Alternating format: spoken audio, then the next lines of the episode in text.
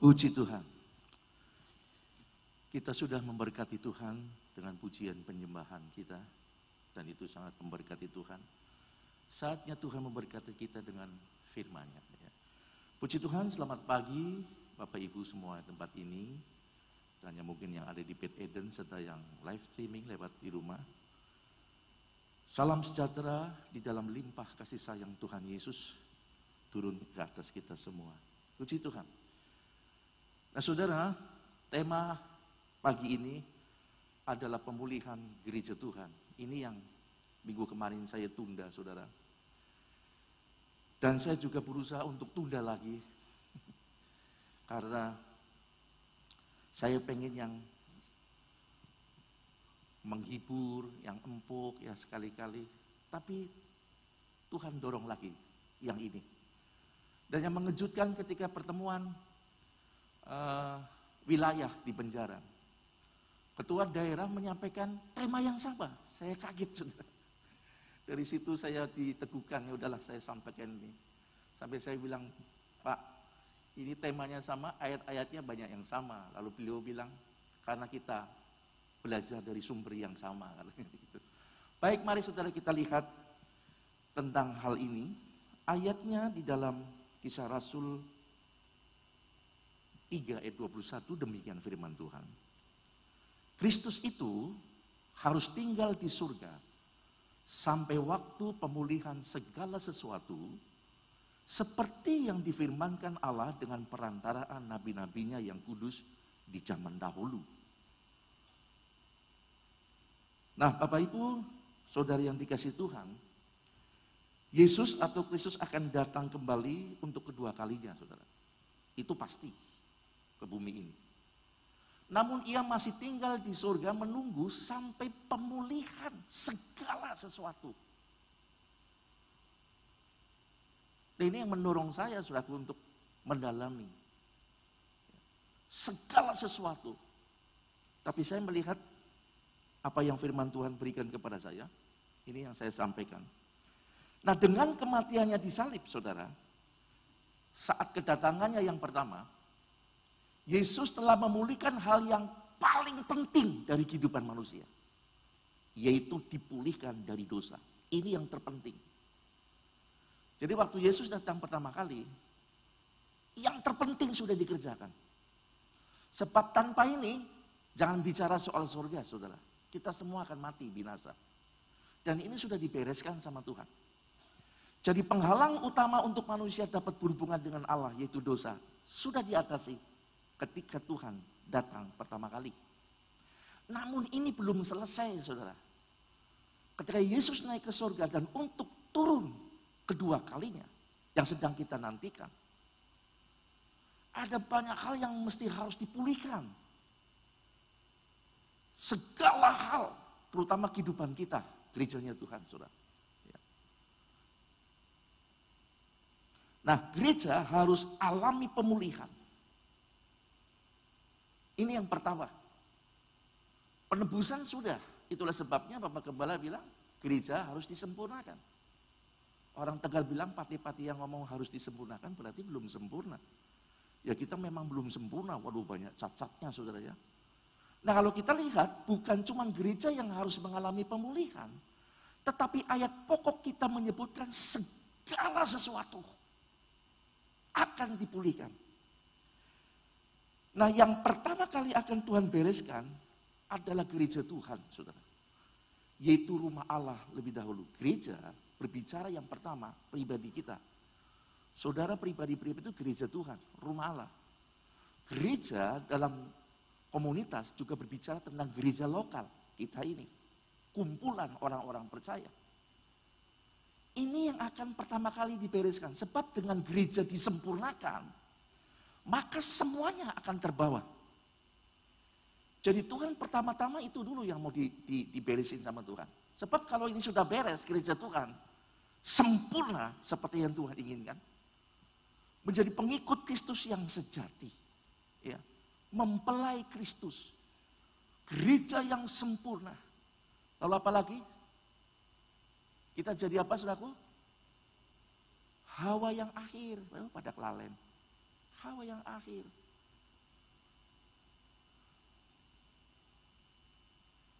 Di dalam 1 Petrus 4 ayat 17 firmannya berbunyi demikian. Karena sekarang telah tiba saatnya penghakiman dimulai. Kata penghakiman itu bukan menghakimi, tapi pemberesan saudara.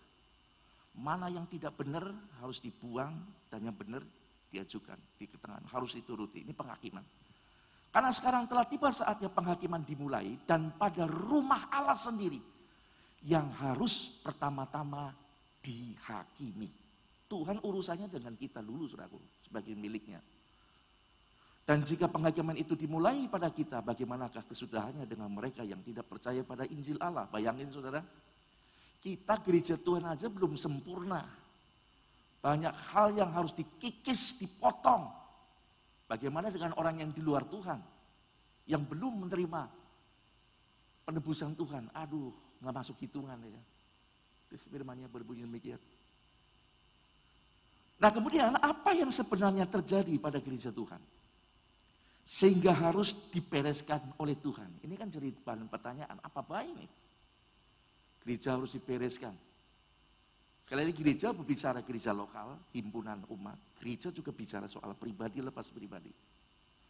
Nah sumber, segala sumber data akurat untuk mengetahui hal ini adalah Alkitab. Jangan cari sumber lain, kita nggak bakal tahu. Jangan coba-coba cari sumber lain, tapi Alkitab.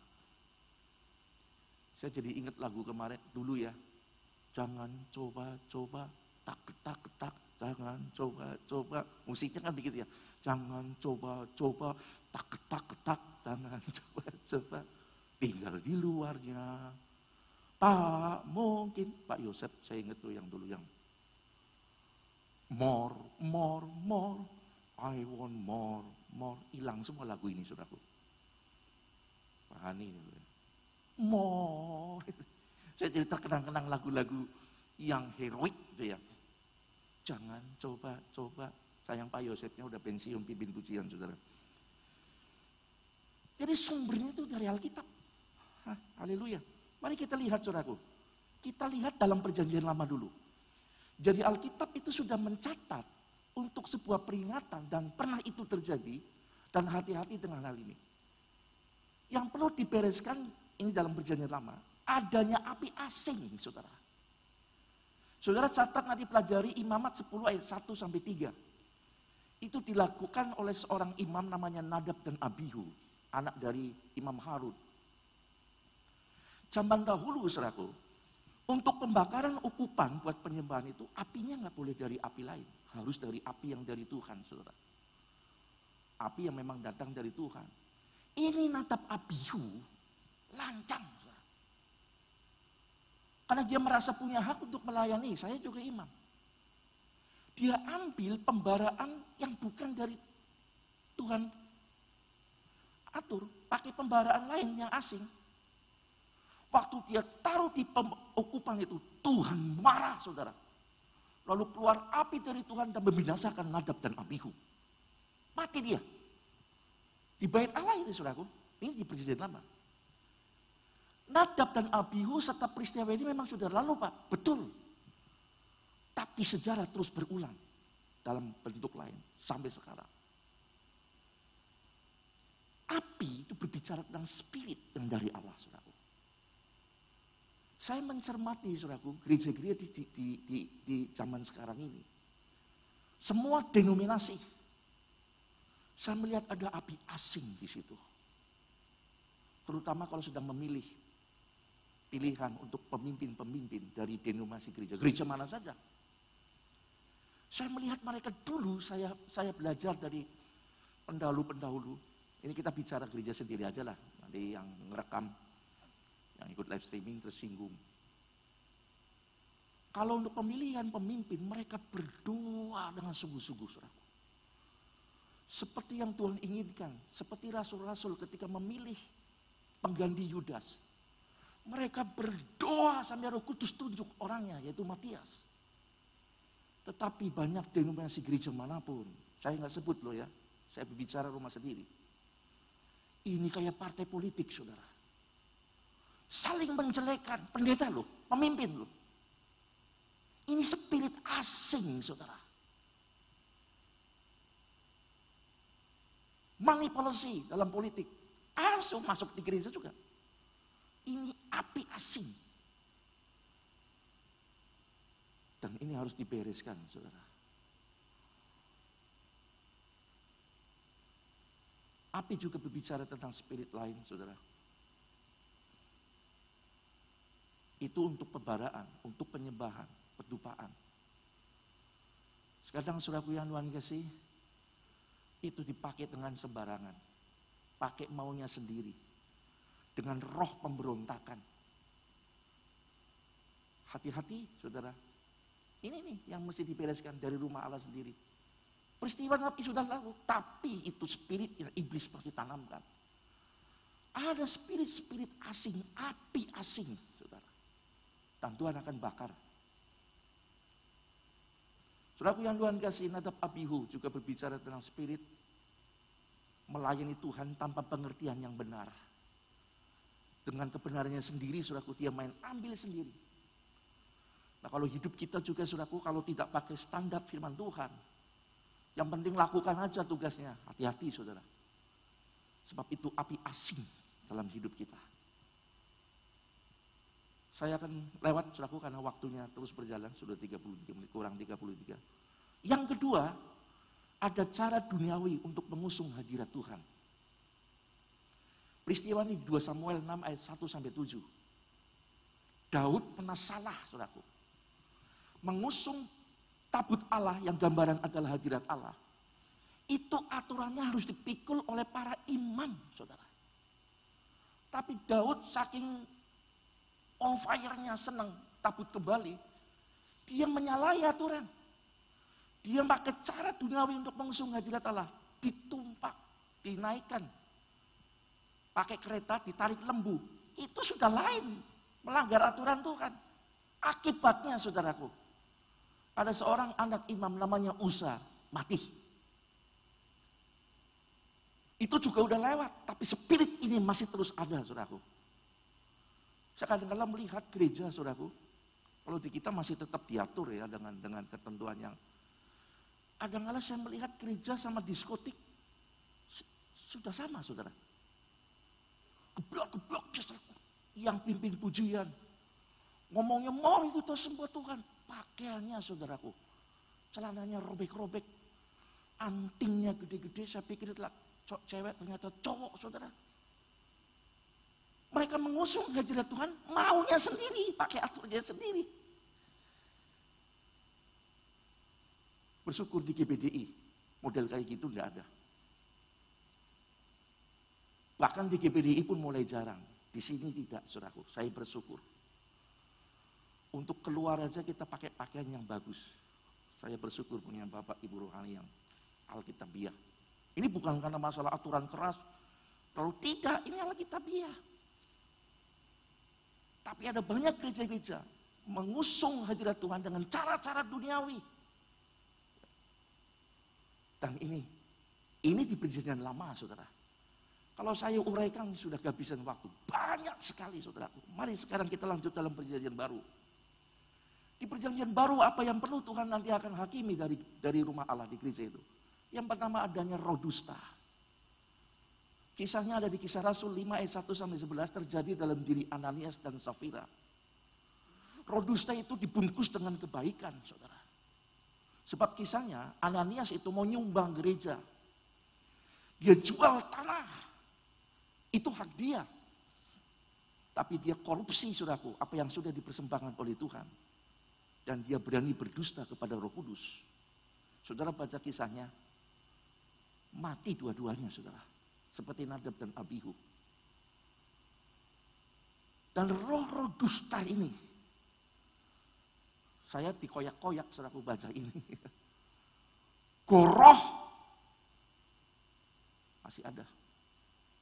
Saya bukan lagi menghakimi, saya bicara sendiri.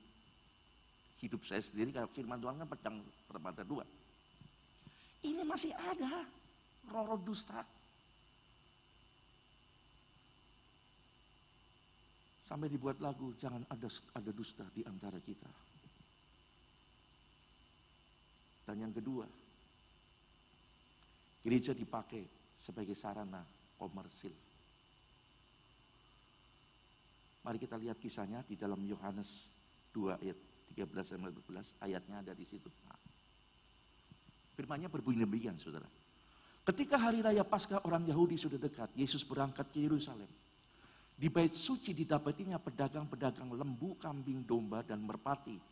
Dan penukar-penukar uang duduk di situ. Bayangin, bait suci. Dipakai buat jualan, saudara. Tuhan ngamuk. Saya belum pernah membaca Tuhan marah. Ngamuk besar-besaran. Siapa bilang Tuhan Yesus nggak bisa marah? Dia jungkir balikan meja, pakai cambuk, cambukin mereka semua. Dan dia bilang rumah papaku kamu bikin jadi sarang penyamuk. Nah kita lihat dari ayat ini, kita bisa lihat kenapa Tuhan begitu marah. Yang dijual kan lembu, kambing domba merpati. Tapi ini memiliki makna rohani saudara. Mari kita lihat yang pertama soal lembu. Lembu, kambing domba, merpati itu adalah hewan untuk ibadah untuk persembahan korban kepada Tuhan. Dibuat main-main, saudaraku. Lembu berbicara tentang binatang pekerja. Ini mengacu kepada pelayanan. Lihat ayatnya, saudara. 1 Timotius 5 ayat 18, bukankah kitab suci berkata, lihat, jangan engkau memberangus mulut lembu yang sedang mengirik. Dan lagi seorang pekerja, pelayan, patut mendapat upahnya. Lah ini lembu diperjualbelikan saudara. Pelayanan buat dijual belikan saudara. Mana yang mau kasih berapa sama saya? Saya mau main musik. Mau melayani ini, melayani itu. Wani biro. Ada hamba Tuhan ketika dipanggil. Gerejamu kolektornya berapa? Karena dia terkenal, saudara. Kalau kau panggil aku khotbah ke sana, tolong hotelnya harus kelas ini dan tolong dijemput dengan mobil-mobil yang seperti ini. Kelihatannya masuk akal, namanya pelayanan. No, buat saya, dia sudah jual belikan pelayanan. Tidak ada ditulis seperti itu. Kalau kamu udah terkenal jadi pendeta hebat, minta fasilitas. Tidak ada, saudara. Sudah dijual belikan. Kalau kita pelayan-pelayan Tuhan, ini yang harus Tuhan akan bereskan dari kita, gereja Tuhan. Jemaat sekarang. Gereja mau kasih apa? Fasilitas apa yang mau diberikan? Baru saya mau jadi anggota gereja. Gereja kasih apa sama saya? Saudaraku yang Tuhan kasih. Pelayanan. Kita datang ibadah itu melayani Tuhan, pelayanan loh. Wani biro. sudah dijual belikan. Lanjut saudara, tinggal 26 menit. Nah Tuhan kekurangan pekerja, saudaraku. Karena hanya sedikit orang yang memiliki motivasi yang benar. Coba ayatnya lihat. Matius 9 ayat 37, maka katanya kepada murid-muridnya, tuayan memang banyak, tetapi pekerja sedikit. Betulkah pekerja sedikit? Enggak. Pekerja Tuhan ribuan. Mungkin jutaan tapi sedikit yang punya motivasi yang baik. Ini mak jelek saudaraku. Seperti tumbak nancep tembus ke dadaku. Orangnya banyak, tapi motivasinya begini. Sedikit. Kita semua belajar ya. Di sini ada hamba Tuhan pengerja-pengerja. Banyak orang ya, banyak. Tapi kenapa Tuhan bilang sedikit? Karena cuma sedikit orang yang memiliki motivasi panggilan yang benar. Yang kedua, kambing domba. Domba berbicara tentang sifat pengiringan dan ketaatan, ketaatan pada penggembalaan, saudaraku. Yohanes 10 ayat 27 bisa ditayangkan ayatnya. Lihat. Domba-dombaku mendengarkan suaraku. Dan aku mengenal mereka. Dan mereka mengikut aku. Jadi kambing domba ini berbicara tentang karakter, sifat pengiringan dan ketaatan pada penggembalaan. Kita domba. Tapi ini pun sudah diperjualbelikan. Manaim kasih apa sama kita? Pendeta ini nyengiti kabeh. Khotbah lah kasih enak, pedes-pedes. Pindah gereja.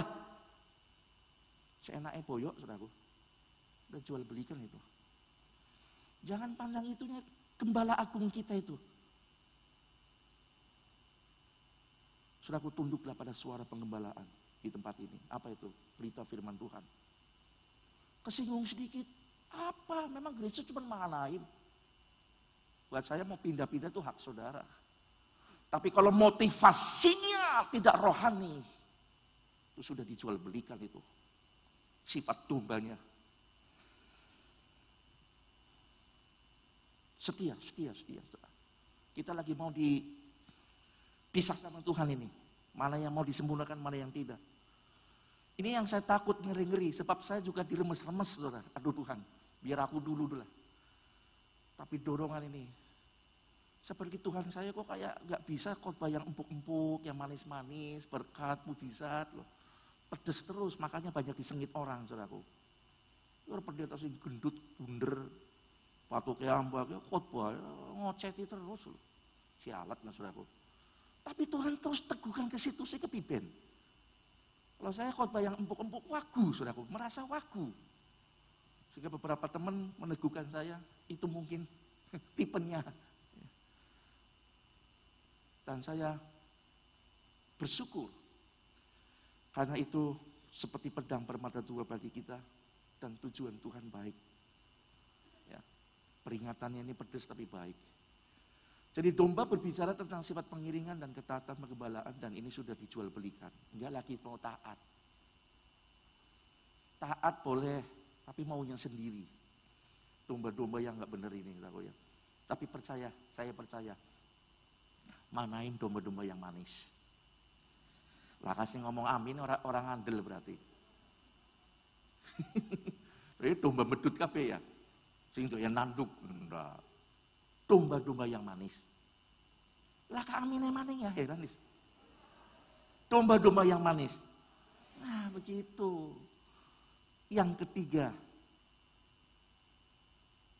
manuk dara, burung merpati. Saudara, burung merpati secara rohani, semua gereja membuatkan setuju, adalah lambang dari roh kudus.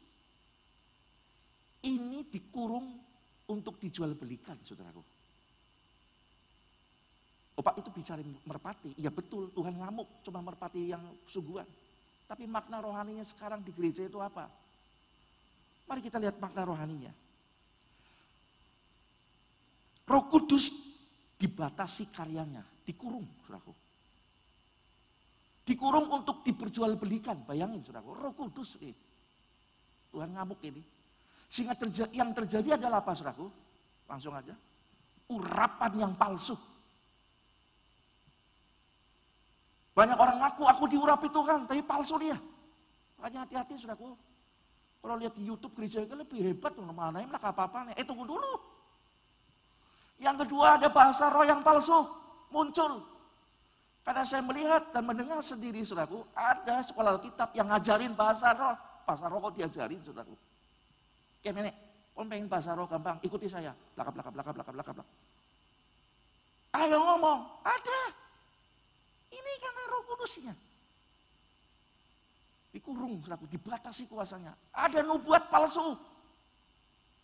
Bahkan ada hamba Tuhan yang berani mengklaim suraku dia punya hak istimewa untuk naik turun surga. Icip, hebat sekali sudah. Di Alkitab saya baca cuma ada Yakub pernah melihat ada ada tangga yang naik turun, malaikat yang naik turun. Tapi nggak tahu di Injil mana dia berkata dia punya hak istimewa naik turun surga. Uh, itu urusan dia lah. Tetapi ini dia, Roh Kudus sudah buat main-main. Yang terakhir pengajaran palsu. Saya buka ruang tanya jawab, penuh pertanyaannya numpuk untuk masalah ini selaku roh kudus. Akibatnya apa selaku?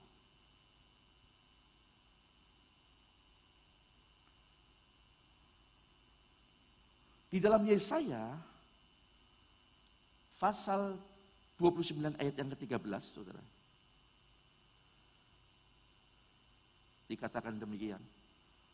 Oleh karena bangsa ini datang mendekat dengan mulutnya dan memuliakan aku dengan bibirnya, padahal hatinya menjauh daripadaku dan ibadahnya kepadaku hanyalah perintah manusia yang dihafalkan. Karena nyawa dari ibadah itu tidak ada, roh kudus tidak ada. Ya jadinya ini, saudaraku. Semuanya perintah manusia. Bahasa roh pun ya buatan manusia. Nubuatnya bukan dari roh kudus. Nubuat, nubuat bukan nubuat, saudara. Tambang ajarannya seenaknya dia sendiri. Tafsirannya dia sendiri. Karena tidak ada roh kudus. Ini yang harus dipulihkan dari gereja Tuhan.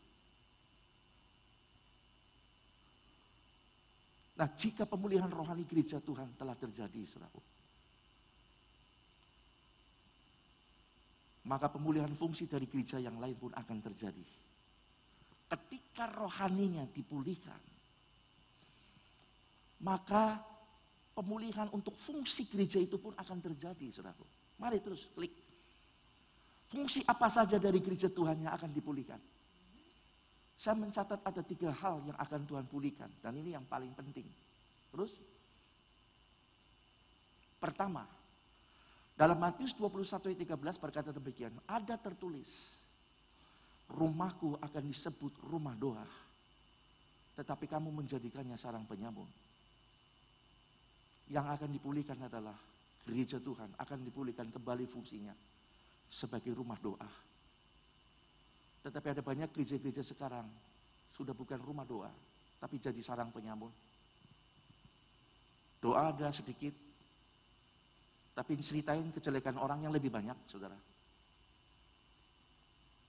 Rusak, saudara. Ini gereja berbicara pribadi. Kalau pribadi-pribadi bikin saja sudah rusak, maka dalam perhimpunan pun akan jadi rusak. Mau doa kayak apa pun, puasa pun kayak apa pun, kalau pribadinya ini suraku, tidak menjadi rumah doanya Tuhan. Mau dikumpulin sejuta orang berdoa sama pun, nggak ada artinya buat Tuhan.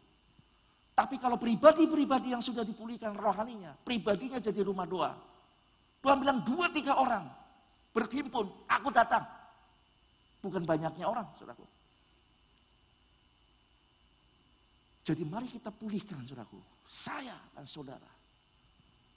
Bagaimana dengan kehidupan doa pribadi saudara? Kehidupan. Jangan kelihatannya berlutut, berdoa.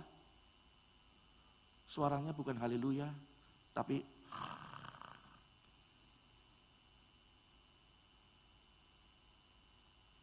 Mungkin kalau kecapean bolehlah. Tapi kalau tiap doa kecapean ya nggak masuk akal, saudara. Sungguh-sungguh, saudara kita itu harus dibenahi.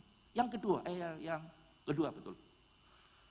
Yang kedua dalam Matius 21 ayat 14. Maka datanglah orang-orang buta dan orang-orang timpang kepadanya dalam bait Allah itu.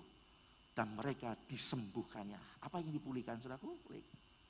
Gereja menjadi rumah di mana kuasa Allah dinyatakan. Saudara, Zaman saya masih kecil, di bawah mama saya, KPDI. Saya dari kecil tadi KPDI, saudaraku. Cuma gerejanya pindah-pindah merek, jadi akhirnya ikut-ikutan pindah. Itu setiap kali ada altar call, saudara. Saya masih remaja. Orang sakit gondok, amin, tahu-tahu lehernya jadi merah, dagingnya ndak ada. Sampai itu mak itu, gondok saya ke mana? Udah sembuh masih dicari. Sekarang gereja sulit, jarang berani tantang alkohol.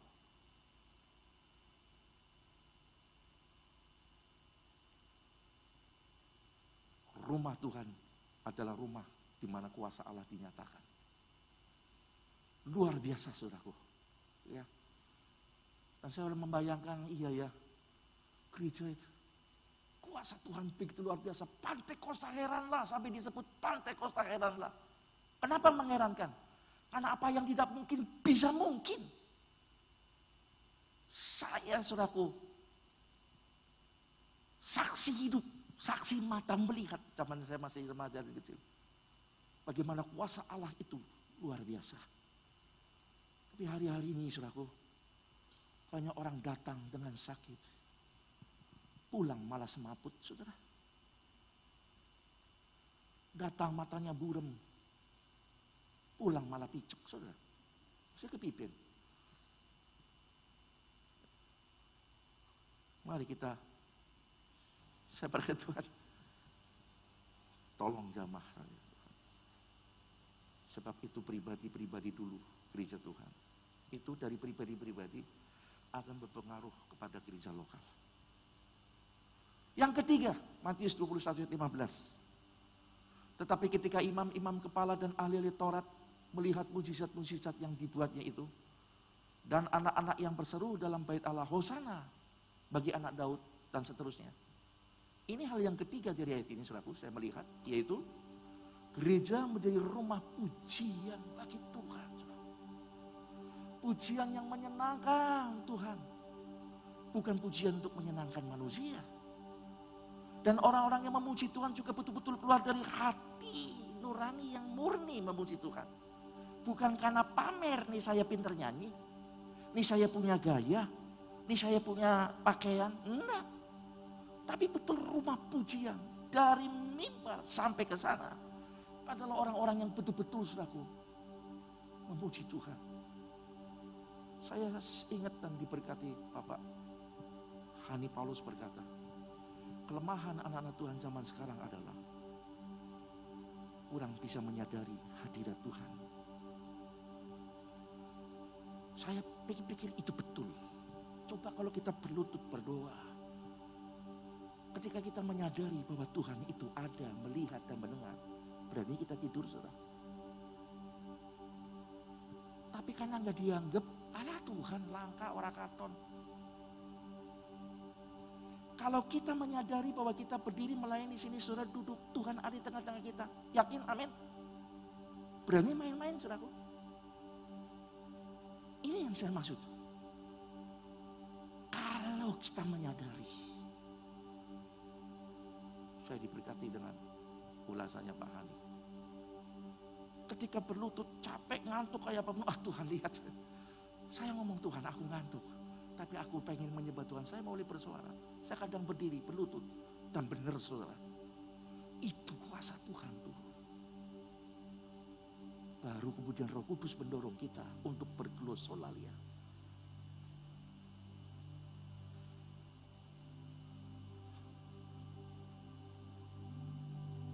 Haleluya.